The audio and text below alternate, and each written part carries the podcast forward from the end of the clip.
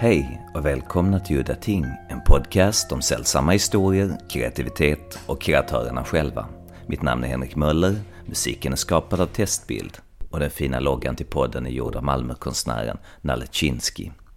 Det här avsnittet är en sorts komplement till Udda Ting avsnitt 2 som handlade om weird fiction-författaren och Lovecraft-kollegan Clark Ashton Smith. År 2015 så dog Smiths nära vän William Farmer. Året innan så hade jag precis missat hans föreläsning med fem minuter på Lovecraft-festivalen.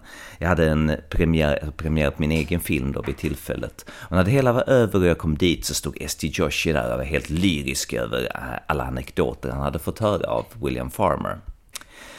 William var död, men hans bror Noel Farmer lever och det är han som är i fokus i detta avsnittet och hans möten med Clark Ashton Smith och gamla Auburn och dess anekdoter. I think I think Don Fr- Don Fryer and I are the only two guys still alive that actually knew Clark, and I was quite young, so. Ja, inte riktigt. Smiths styvson, William Dorman, som nu förvaltar Smiths litterära arv, är också i livet. Och hans intervju i Darren Coelhos dokumentär om Clark Ashton Smith är så fullständig och klockren, så det känns överflödigt att söka upp och intervjua honom. Han i alla fall var tillsammans med sin mamma de två sista timmarna, som, och var den av de sista som såg Smith i livet, satt vid hans dödsbädd. Han berättar många anekdoter angående Smiths kläder, hans basker som han hade fått av George Sterling som ung och hans cigarettmunstycke som han rökte sina palmal i. Någonting i alla fall som var helt unheard of att man hade ett cigarettmunstycke på den tiden. Hans militärbyxor med utsvängda sidor med stora fickor där han kunde ha alla sina verktyg när han skapade sina skulpturer i sten. Men nu tillbaka till Noel Farmer. As I've heard, everything started with your older brother getting to know Smith. Well, my brother is 12 years older than me, so my brother became friends with him when he started uh, at the local junior college. So that would have been about 1955 or I guess 56 or so, right around there. So, uh, and then I got to know him through my brother. So I was, it was probably 57 or 58 for me. And then uh, Clark's, uh, after he got married and moved to um, Pacific Grove, they used to come back. He and Carol would come back up on the weekends occasionally, and they stayed with us. I was only six years old, so I can't speak too much about my brother's friendship, except that I knew that he he was friends with this guy who was kind of an oddball, um, you know, and and that he walked everywhere he went. He didn't own a car, didn't have a driver's license, and he dressed rather peculiarly. uh, especially for a small, you know, conservative sort of foothill town. Although Auburn was a much more open-minded, artistic kind of community in those days than it is today. Today, it's it's just a bastion of conservative assholes, frankly.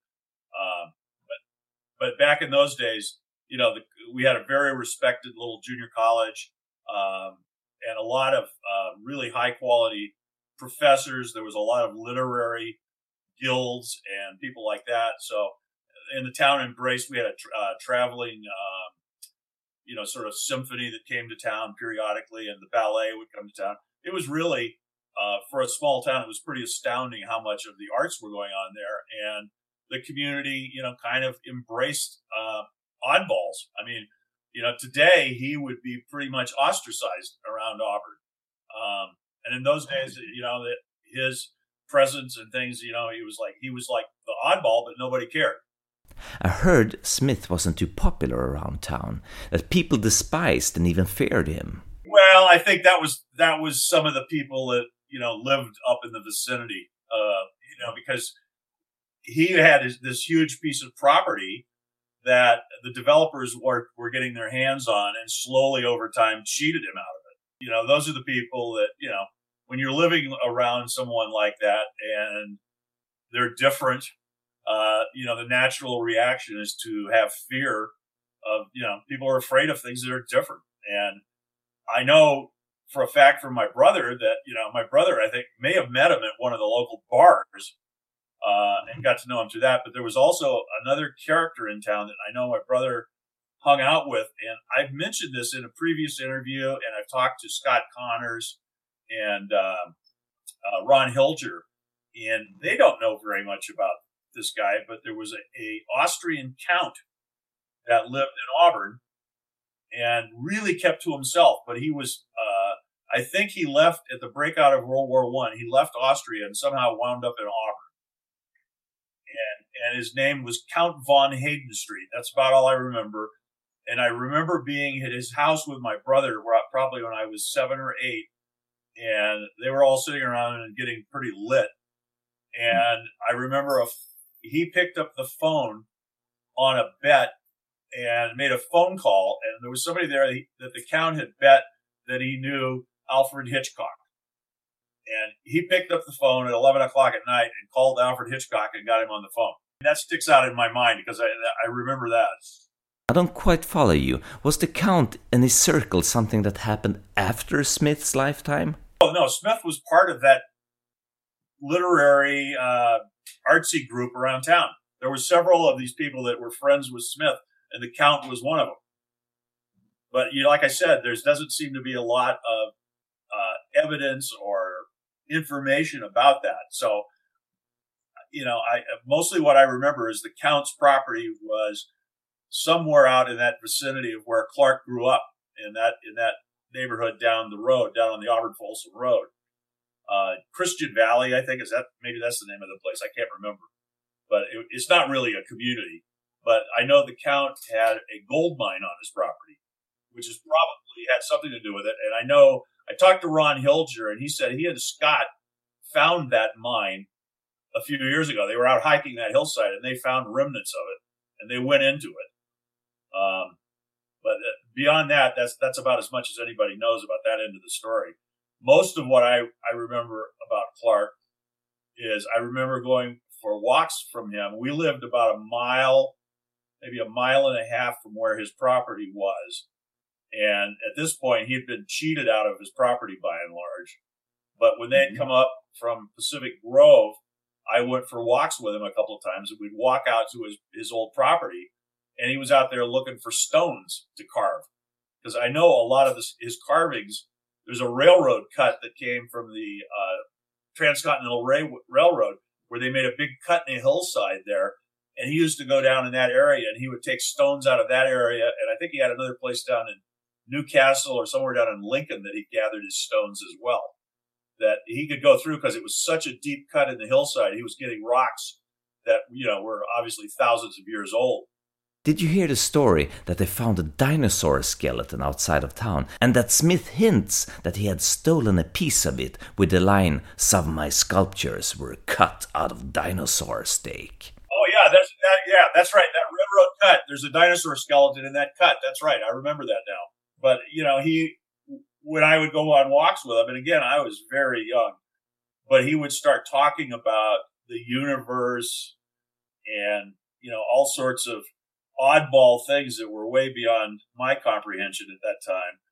And, you know, he had kind of an enlarged cranium, if you will, and he would wear that beret and then that cigarette holder that you've got, you see pictures of him with that. That cigarette holder was given to him by the count. I remember, I remember that story because my brother thought that was really funny that once the count gave him that cigarette holder, he, he used that all the time after that. But to me, he was like an alien. you know, this guy who talked about these other universes, and you know, I mean, it was it was pretty cool. I mean, I'm here I am, you know, very young, and uh, I've always been a fan of fantasy and science fiction as long as I can remember. I mean, when I was a kid, the only movies I wanted to go see were sci-fi movies, and uh, so it was fascinating, you know, just to have him talk about this big picture ideas that were beyond, you know, no, normal thought particularly for someone who's young. Uh, mm-hmm. It was very interesting, and you know that that and, and, like the stories about the happy hour, which is the bar that you know he he was there pretty much every afternoon, and I know my brother used to spend a lot of time in that bar with him.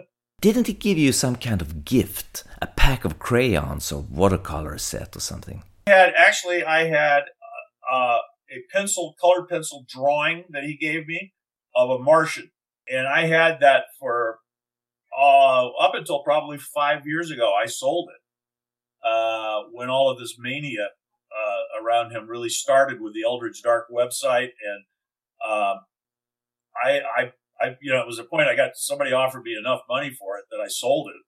And I had two sculptures as well that I also sold. And there's pictures of that stuff on the Eldritch Dark. I did preserve them by putting those photos up. So they're on there. Um, and last time I talked to Don Fryer, the first thing out of his mouth was, he says, do you still have that drawing of the Martian?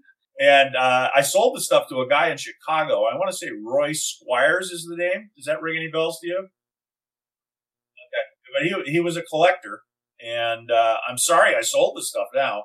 Um, I still have I have one book that was po- published posthumously uh, that Don was the the uh, editor on, and I have that book, and that was given by Don to my mother. So Don signed that, but I don't, I don't have any of other of Clark's stuff.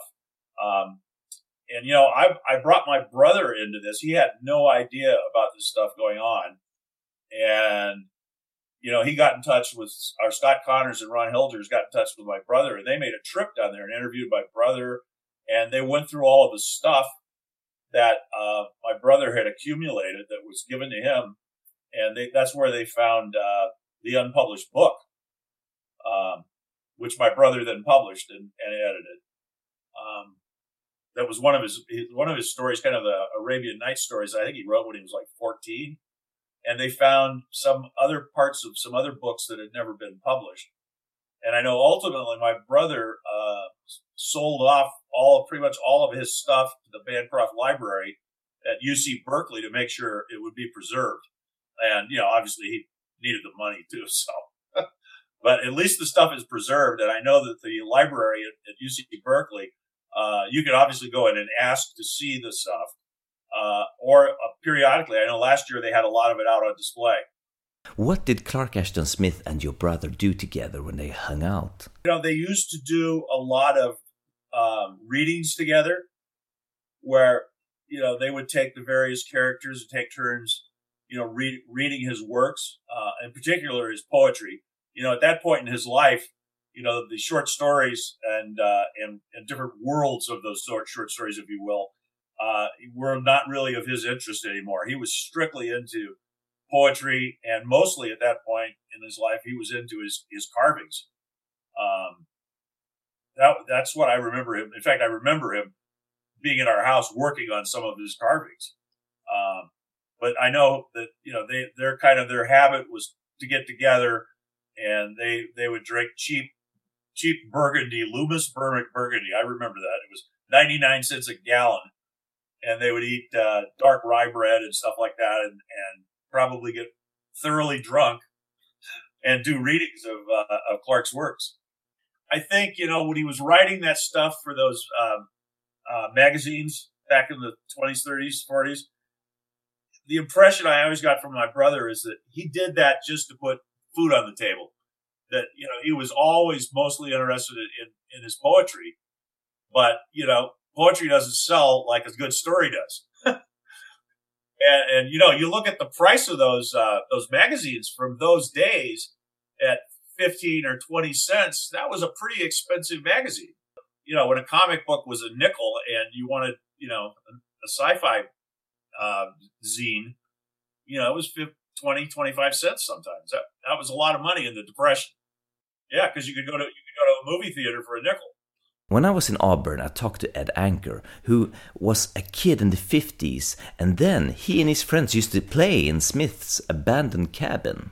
I, I hiked on the property. There wasn't much of it left uh, by the time I got to know him. I think this was it was I can't remember what year it was it was burned down, but it was burned allegedly by Mr. Harrington, who ultimately owned all of that property uh, as part of a way to, to get the last little bit. Because over time, as I said, he had somehow bought the property from Clark and and cheated him. You know, I mean, Clark was not very wise in the ways of the world at all, and uh, I know, I know one of the stories was about him losing that money. I, I don't know if you've ever heard that story, but, but he was paid off in cash and somehow he lost the money. And there was, you know, since it was paid in cash, there was no way to go put a claim or anything into it. But he lost the money and, uh, you know, it's just, I think he lived in those worlds is, is the only thing explanation I can come up with. I mean, I don't know how else a brain could come up with stuff that crazy, that fantastic, especially in, in such a different time than what we live in today, where we, we sort of take this for granted. I mean, it's, you know, the popularity of science fiction today and fantasy is at an all time high. And, uh, you know, for me, most of what's out there today, especially coming out of Hollywood, is just garbage. You know, and I, I would just, I've never really understood. I mean, I know a lot of Clark's stories have been ripped off over the years. Uh, but why someone doesn't take some of that and try to turn it into a decent piece of, of science fiction. I mean, you know, there's, there's every time I see even a, a pretty good film, I see a lot of his ideas that I read years and years and years ago that have been incorporated into some of that stuff. But you know, just in such a loose manner. But it's just like they, they somebody obviously had read it or knew something about him, and they took that and, and you know put it into some kind of a quick production piece. Uh, but like I, I watched a thing last night on uh, Amazon Prime, and it was a story about discovering extraterrestrial life within our solar system. And there were these three spheres that had been kind of a 2001, if you will, like the monolith, except these were spheres. And they were placed on moons of uh, Jupiter and, or Uranus. And uh, they sent this astronaut on this, you know, suspended stasis journey to go out there and get these things and figure out what it was. And it was a super low budget film. I mean, the set was terrible. You know, the acting was terrible. And, but the story was interesting. And then it, they get to the end of the story and there's no end. All it was is that they discovered they came from someplace outside the universe and the astronaut made an independent decision to put himself into stasis and head out in that direction for 32 years. And that was the end of the movie. and I'm well, okay, we didn't resolve anything you know, other than that we verified there was some other intelligent life out there. So, you know, you know, I just think of some of those, some of his worlds and it's, that would make a great series, you know, to develop something around some of those ideas. When you went on your walks with Smith, what was he doing? Was he just taking a walk for exercise? Well, we, we, he was up there. Oh, I think I mentioned that he was looking for he was looking for rocks. Uh, you know, those soft stones that were in that, that cut where the railroad came through. And, uh, and he also wanted to just go back to his property.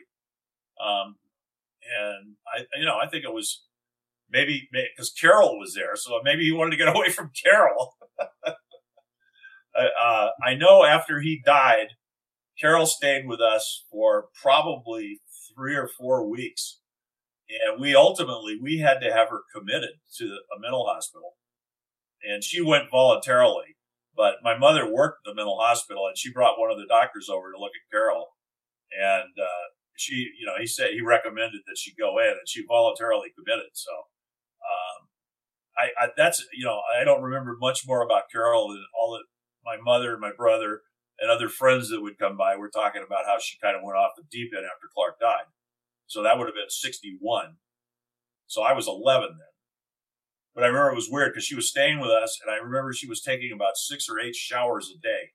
But I know that my brother used, after they moved to Pacific Grove, my brother used to go down there uh, periodically and stay down there for a few days with him. And uh, I think that's one of my brother's pictures that he had was taken at Pacific Grove with him. Uh, I, I actually, I'm going to try it and make a trip down to Corpus Christi uh, in the next few months and go see my sister-in-law and I want to go through whatever crap she still has down there because my sense is there may still be a lot of stuff there that she just doesn't really know what it is or doesn't care. And, uh, and there's also some other family things there that my brother had that I would like to get my hands on as well, uh, that I know are there. And, uh, uh you know, I'm sure she doesn't know what to do with them. I mean, she's pretty delighted to be rid of my brother and I don't blame her. So, that's that's my family, my family dirty laundry. Smith was a frequent visitor of the pubs in town in Auburn, and when I was in uh, Auburn, Ron Hilger and Scott Connors and uh, Darin Coelho and Ed, Ed Anchor showed me a lot of these places. One of them was the Happy Hour, a place that Smith used to visit, at least when he had money. Well, they, if you were there, what you what you said a couple of years ago, so they they took you over to what was the Shanghai. It's now a brew pub. I grew up with the the kids in the family. That place was owned by the same family for a hundred and thirty years. I mean, it was since the last time that, that the town burned down, and uh, the Yuen family, Y U E N, and I went to high school with one of them and when I was in this time frame, my, my father was still alive, and we used to go down there for to take get Chinese takeout food. And when you get Chinese takeout food, they would put a hundred firecrackers in your takeout food. And there was a bar on one side, a restaurant on the other side, and there was illegal gambling, poker in the back.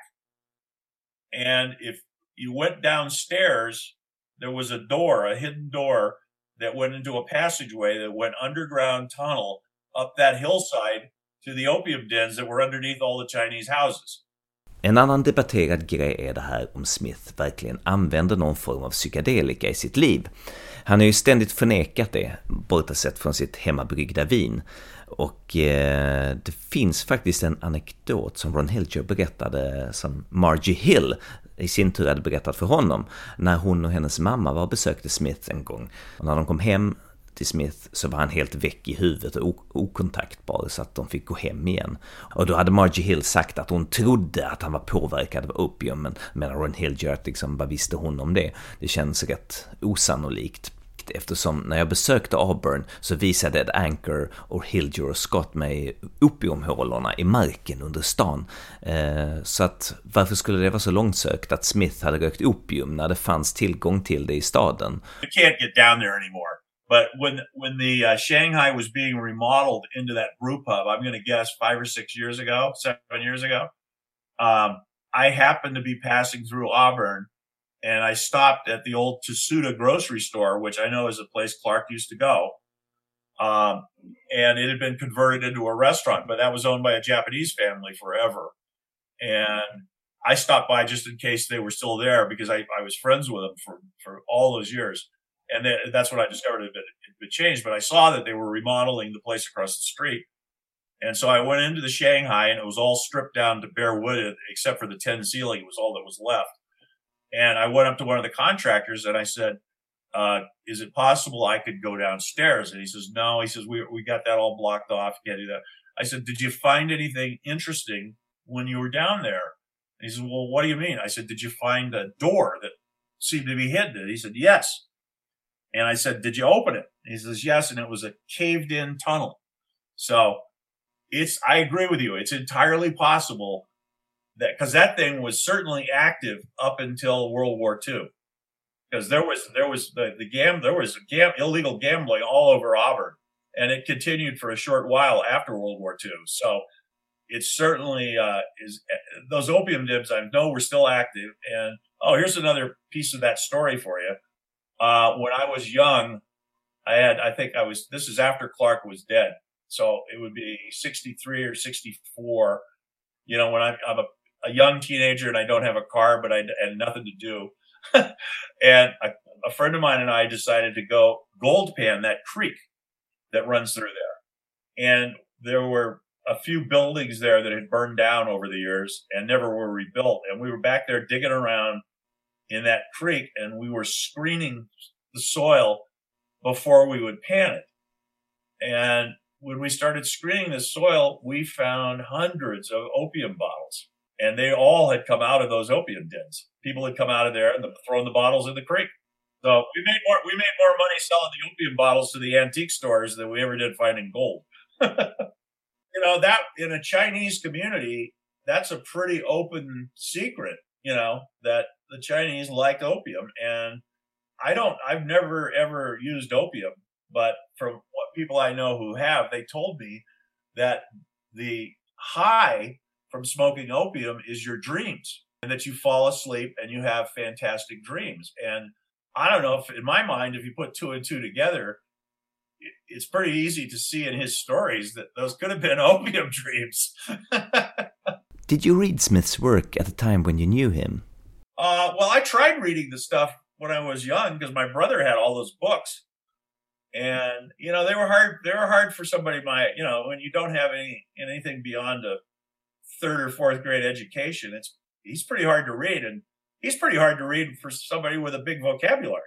And I, I think that probably has certainly contributed to you know him never really being a commercial success as opposed to his contemporaries, who obviously you know H.P. Lovecraft became a huge success, of course, after he's dead. But uh, you know, his his stories are all over the place, or adaptations thereof. You know, so my brother had this huge library of all his his his books. So I tried to read them, and I, I guess you know, I think I probably started really getting into stuff. It would have been when I was in college when the Ballantine paperbacks came out because my brother had all the books, and at that point, I didn't have any of the stuff other than you know the sculpture and the and the drawing. There was a lot of stories or legends, if you will, from people walking by Smith's cabin, seeing strange things going on. Have you heard these stories? Well, I mean, there's there is that story about him casting lightning about, sort of sort of like Mickey Mouse in uh, Fantasia. I, you know, who knows what he was doing? That might have been one of his own trips. I don't know. But that's one of those things. Somebody saw him doing something, and you know, it turned into rumors, and you know that he's a devil worshiper and all this other stuff. And I know uh, when I lived in San Francisco, uh, I I think it was Donald took me over to Anton LaVey's house, and I remember we had a conversation there because Anton liked to talk about the fact that he knew Clark Ashton Smith and I know from some of the stuff my brother had told me is that he Clark thought Anton LaVey was a complete fraud and didn't like him. And there is there is a photograph of Anton visiting him in Auburn at one point in time. Um, but you know when you with, with that kind of stuff, you, you know you have a guy who is a devil worshiper coming to visit a resident of your town. You can imagine what comes out of that with local gossip. So there was a picture of LaVey and Smith together. Yeah, there is a picture of him. Yeah, I've seen it, and I can't remember. I think there was there was some other literary figure with him. I can't remember who it was, but this would have been I don't know. I want to say it was the 30s or 40s, maybe. It was when Anton LaVey was was first, you know, getting his his deal going, his Church of Satan or whatever the hell he called it. I don't I don't know. San Francisco is San Francisco. I don't know today. I don't know if San Francisco was like it was, but when I lived there for a couple of years in college, you know, it was a fantastic place and, and it has always been a city very tolerant of people who have different ideas and different opinions. And I'm not sure that that exists too much in San Francisco anymore because the tech, all these wealthy technology people have just taken over the city. Can you remember any other stories about Smith that you heard from his circle of friends? Ethel Heiple was a dear friend of our family and she was part of his inner circle along with uh, the Scullys and our Sullys and and that group. And you know, there's always the stories that I'm sure you've heard that you know he was pretty busy with the women around town, uh, married and otherwise. so um, they were his benefactors, if you will. Um, you know, and I think Don patterned a lot of his life after after that. In that Don was a pretty good sponge, and uh, I think I think Clark you know, he traveled around town quite a bit, walking, of course. And I think, you know, was, a lot of it was in the middle of the day. And, you know, the, the suspicion is he was visiting a lot of, uh, a lot of the women around town, you know, while the husband's working he's servicing them. So, you know, and if you're, especially if you're a member of that sort of literary circle, uh, I mean, Auburn, if you think of it, had a university women's club, you know, in a time when few women went to college and unless you were going to become a nurse or a teacher, uh, there wasn't a career path for women to go to college. And but there were quite a lot, a lot of educated women in Auburn, and so I know he was in that circle of those women. An enviable position for a man. can you remember when you first became aware of this so-called Clark Ashton Smith mania and collectors buying Smith stuff for thousands of dollars? Oh, I, that you know that you mean the current level, which which is really nothing in the big picture. But it it started when I stumbled across the Eldritch Dark, which has got to be that's 15, 16 years ago, probably? Early part of this early part of this century, and I stumbled across that because I was look I was looking for some information on Clark for some reason I don't remember why, um, and I stumbled across that website and I went, my God, this is, these people are all over the world, and they're eating this stuff up, and it's like I had no idea. I mean, to me, it was like you know his one stab at fame was you know ten years after he was dead when they started publishing his stuff in paperback. And that was the only time I think he had ever gotten any kind of exposure outside of a very, very small group of, of fans that probably got introduced to him because they, uh, they were Lovecraft fans. And, uh, and I sort of had hopes that, geez, you know, here's this guy that I, I knew and his stuff's in paperback now. Maybe it'll take off. And that actually, when his stuff came out in paperback, that's when Heinlein's uh, Stranger in a Strange Land was very hot with my generation. So, and uh, uh, Frank Herbert's Dune, you know, which is really a, a truly a fantasy book.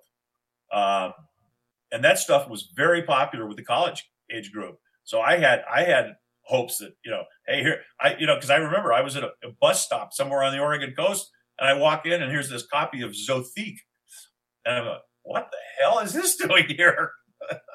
in a bus station. and uh, and then it just died out. You know, there were never any second editions published or anything. And then you know these guys, Scott and Ron, actually moved to Auburn. You know, and uh, I started following the stuff on there. And that that's when I told my brother, I said, you know, hey, there's this whole movement out there that's you know all over this stuff, and he had no idea at all. So you know, I I put him onto the website, and I said, here's these two guys you know, that are living in Auburn. I said, you know, chase these guys down, and then they they made a connection, and that's that's kind of how the other, you know, the unpublished works came about. Ja, det var allt för den här gången. Mitt namn är Henrik Möller. Musiken är skapad av Testbild. Hej då!